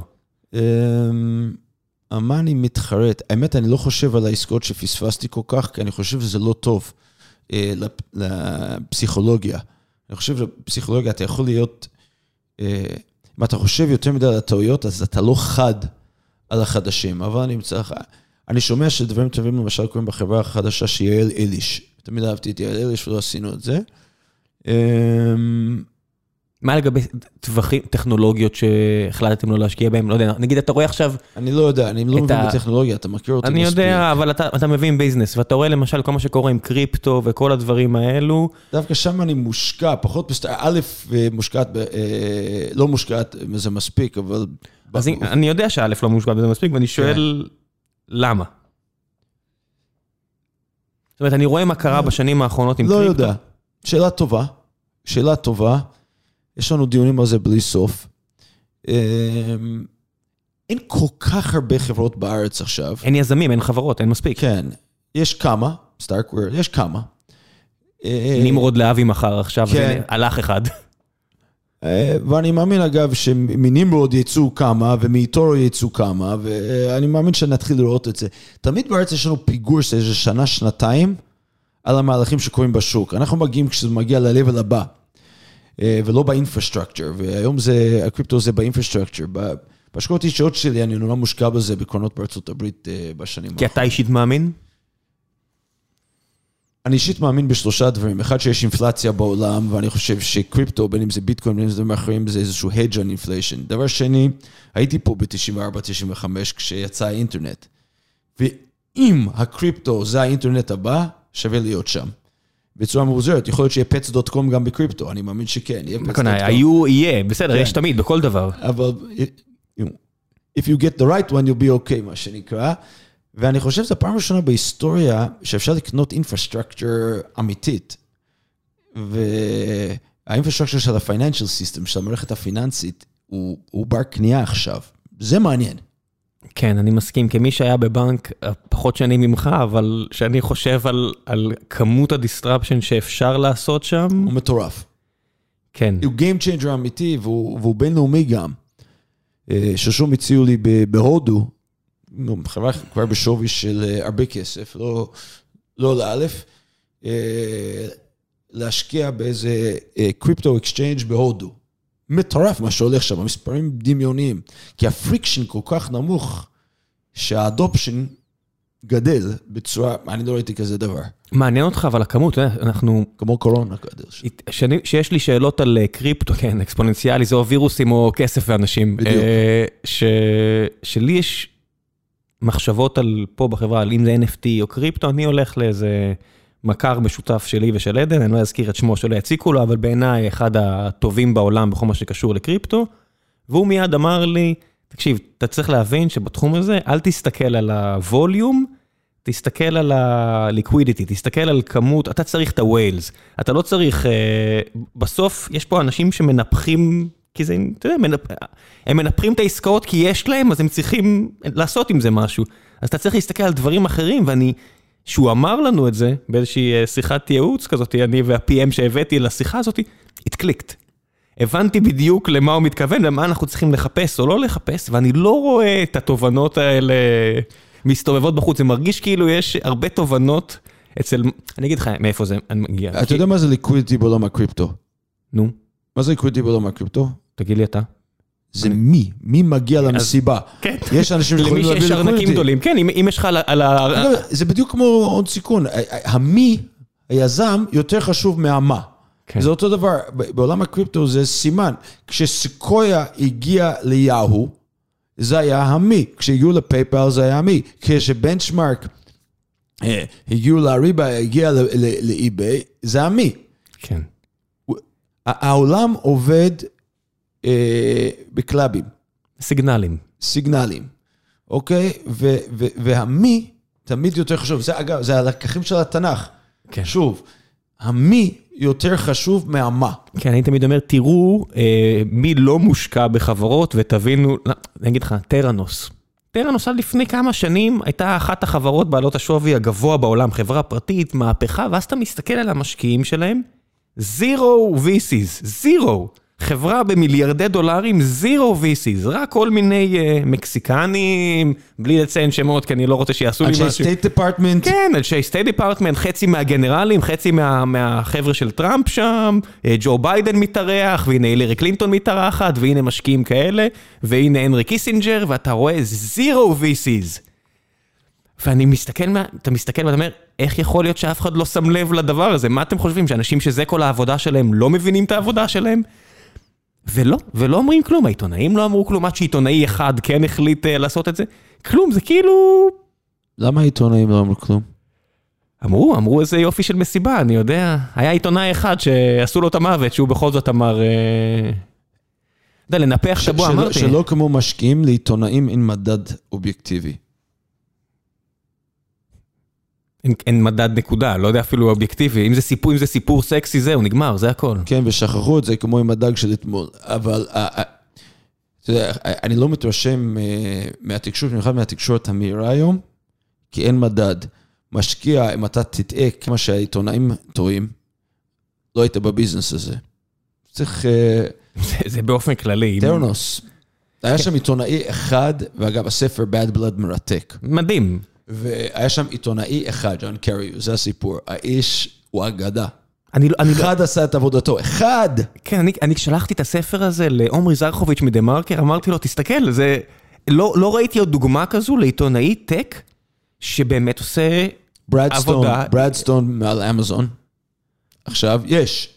אבל זה כל כך, תשווה. לכמות האנשים, כן. לכמות האנשים שמבלבלים את השכל על חברות טכנולוגיה, כן. ואתה אומר, אתם לא, אתם סתם כותבים על מה שקראתם בטוויטר, אתם לוקחים אה, טוויט וכותבים מעל זה כתבה. שהבסיס שלך זה כל כך מעט מידע, ולא תגיד זה התורה, שאתה יודע, לא שינו את המילה, זה, זה טוויט, אף אחד לא חשב על זה, הוא סתם צייץ את זה, ואתם כבר בונים תיאוריות. אני רואה, אתה יודע, אילון מאסק מצי... קם בבוקר, כותב א', קם בבוקר, אומר ב', ואנשים כותבים על זה, כותבים, אני אומר, זהו, זה סייקל שמזין את עצמו. אחת הסיב- הסיבות שאני כותב ספרים, כי אני חושב שספרים הם lasting. הם lasting. כי השקעת מחשבה בזה, מישהו ערך אותך. בדיוק. אגב, מי שעורך אותי, עמית משגב עורך אותי. כן, זה בין הורג לעורך אותי. כן, וזה צריך לעבור ביקורת וכדומה, והוא, והוא, והוא על המדף. וצריך לעמוד בביקורת גם. כן, אני, אני, אני מקווה ש... טוב, מה זה מקווה? זה יקרה, שדוחפים כל כך הרבה כסף, יש כל כך הרבה השקעות, יהיו מתישהו, כמו שאמרת, צריך להיות uh, 7 good years, 7 bad years, זה, כן. זה, אם אין זה בעיה, כן. זה. גם בעיה.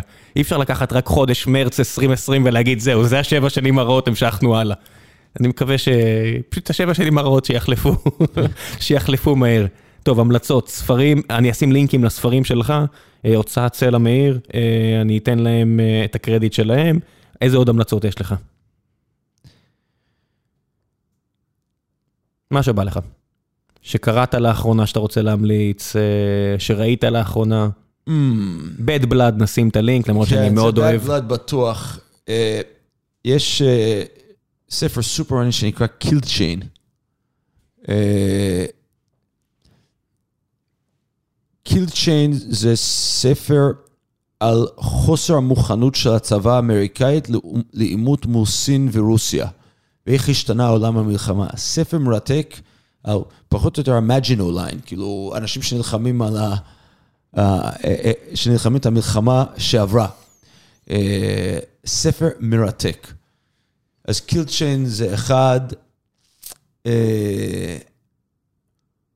אוריג'ינלס by אדם גרנט, אה, עוד אחד, אמ, סיימתי ספר לא מזמן, 650 אה, עמודים, על ידי הרב דוקטור מיכאל אברהם. אה, איזה טרילוגיה, קראתי אה, אחד וחצי מהטרילוגיה. הטרילוגיה עצמה הוא איזה 1,500 עמודים. והוא אה, מפתח שם תזה להגות יהודית מודרנית, אה, הלכתית גם כן, שהוא מרתק, לדעתי, לדתיים, חילונים, חרדים, לא משנה, לכל האוכלוסייה. אה, גם לא מסכים עם הכל, ספר מרתק. איך תסכים הכל? ש- ו- 1,500 ושיטתי. עמודים אתה לא תסכים הכל. לא, אגב, אני חושב שזה חלק מזה.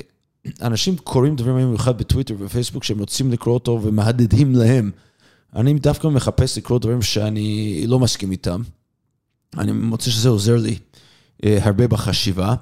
אה, כל דבר שכותב מייקל מבוסיאן, אה, פרופסור לפיננסים באוניברסיטת קולומביה, עמית במורגן סטנלי, שווה קריאה.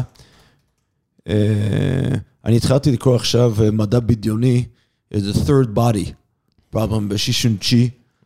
אני באמצע עכשיו. אה, אני בטוח שיש עוד, אני קורא לא מעט ספרים.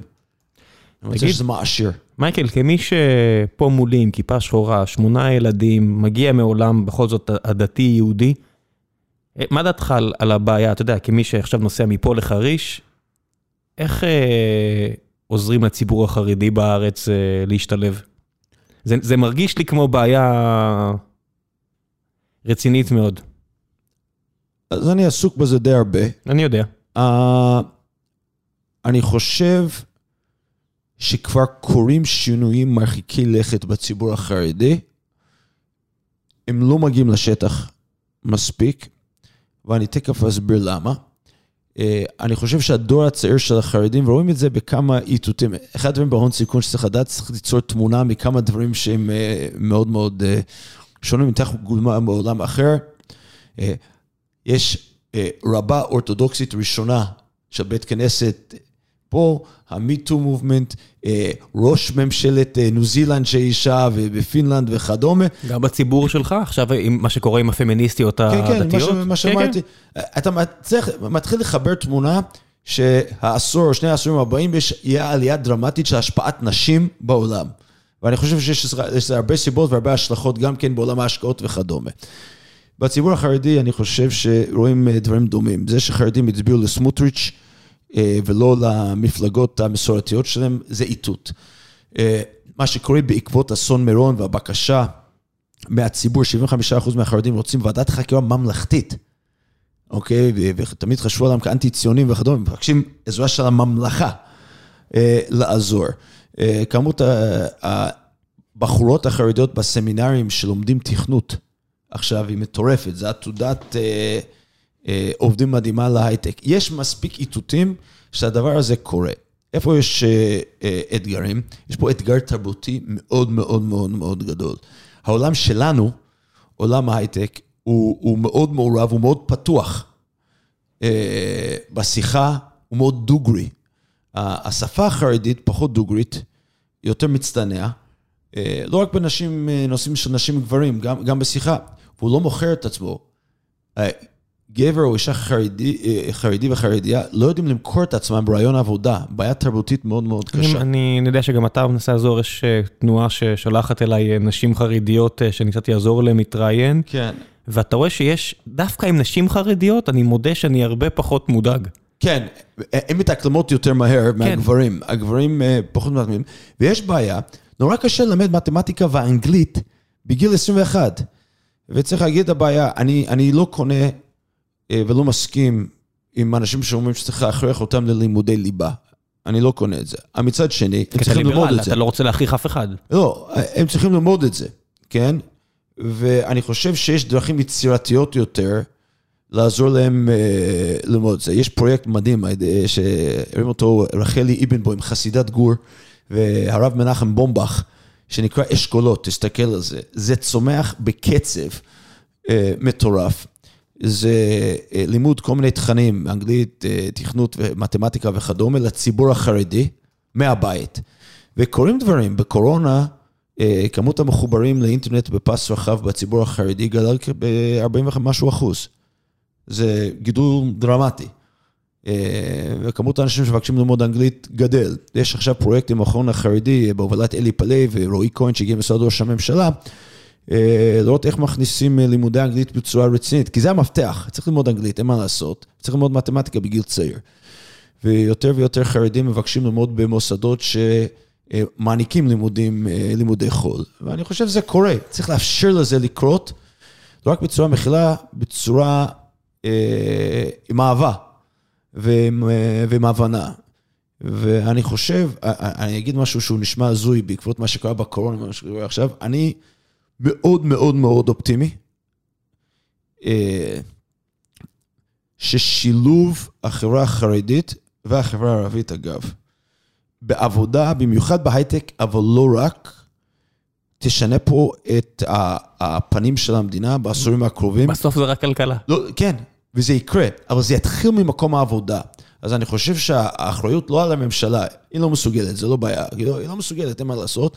יש אחריות על המעסיקים, על חברות ההייטק, ואלה שיש להם ראש פתוח ויכולת יזמית, להכניס את האוכלוסיות האלה, לא בהנחה, לא בחסד, בצדק, למקומות האלה, ואם נעבוד ביחד, זה מה שאני קורא לו כלכלת אחווה, אם נעבוד ביחד, נבנה גם מדינה ביחד. אני, אני ממש מסכים איתך, אני, אני מצטער שזה יישמע קצת אה, לא PC, אבל כשאני פה בפודקאסטים אה, לאחרונה עם אה, ראש צוות ערבי מגוגל, או לא יודע מה, אה, בחורה ערבייה מאינטל, או לא יודע מי, אין לי שום חשש. הכל טוב, אני בטוח שנמצא את עמק השווה, אני בטוח שאנחנו יכולים לדבר.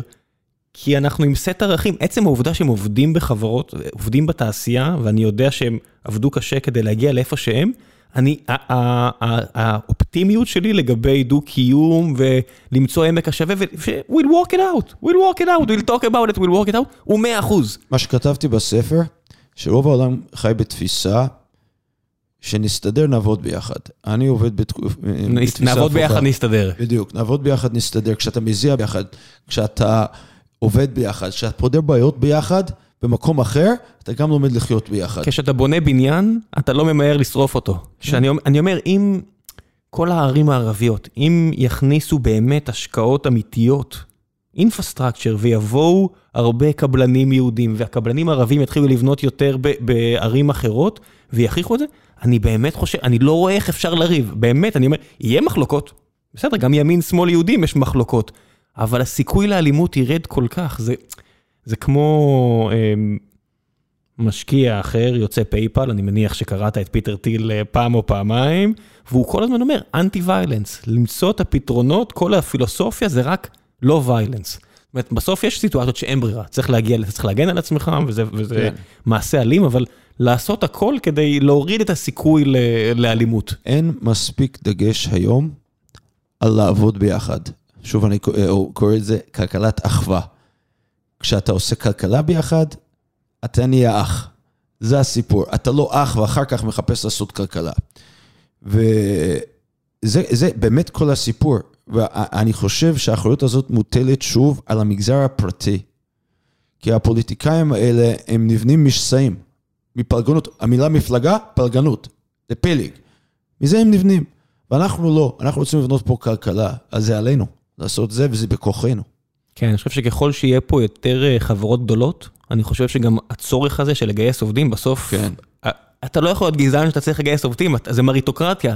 אם מגיע, אם מגיע לך מתכנת טוב, מבחינתי שזה יהיה חייזר. לא אכפת לי ערבי, אישה, חרדי, חרדיה, זה לא משנה. אני, אני צריך מקולדים, אני צריך אנשי מוצר, אני צריך אה, מעצבות ומנהלות והכל, זה לא משנה. הצורך הוא, הוא יותר חזק מהכל. וחברות גדולות יכריחו את המשק הישראלי לדברים האלה. מסכים. שלא לדבר, אם יהיה פה ייצור, נחזור גם למניפקצ'רינג איכשהו, זה בכלל אה, יעשה רק טוב. כן, שאלה מעניינת אם נחזור פה למניפקצ'רינג, אבל בסדר. כן, לצערי, אם אתה באמת הולך על ערך כלכלי, אז כנראה שלא יהיה, אולי ביוטכנולוגיה או דברים כאלה כן. שהם טיפה... שמע, אתה רואה TSMC. מה זה TSMC? TSMC זה ייצור, ייצור אבל הייטק, אבל יש הרבה מאוד טיוואנים שעושים עבודה... אגב, אם כבר פתחת את הנושא הזה, אני כבר שנה ומשהו הפצרתי בידידי הטוב צביקה האוזר, שהיה יושב ראש ועדת חוץ וביטחון, שהאירוע של TSMC זה אירוע ביטחוני ממדרגה ראשונה של מדינת ישראל, ואירוע אינטל אותו דבר. semi uh, conductors הוא אירוע ביטחוני. צריך לדעת את, את הדבר משאב, הזה. זה משאב, כן, כמו שיצאו למלחמות על נפט, אז semi כן. conductors עכשיו. ממש. וסמסונג ו-TSMC נמצאות על הגבול של סין. ואם כך, גם אינטל וגם טאוור סמי קונדקטור, הם נכסים אסטרטגיים של מדינת ישראל, צריך להתייחס אליהם ככה. צריך לדעת את זה. השקעה מסיבית של ישראל, לדעתי ביחד עם ארה"ב, בייצור semiconductors, היא, היא, היא, היא גם השקעה תשתיתית, גם השקעה ביטחונית, ו, וגם השקעה כלכלית, אולי מהכי כדאיות שיש. אז הנה, הנה, אתה רואה, בסוף אפשר להגיע ל manufacturing, רק, רק, רק צריך למצוא את הנרטיב הנכון. נכון. טוב, מייקל, תודה רבה רבה, אני אשחרר אותך להמשך היום. תודה, תודה רבה על הזמן שהקדשת לי. תודה. ביי ביי.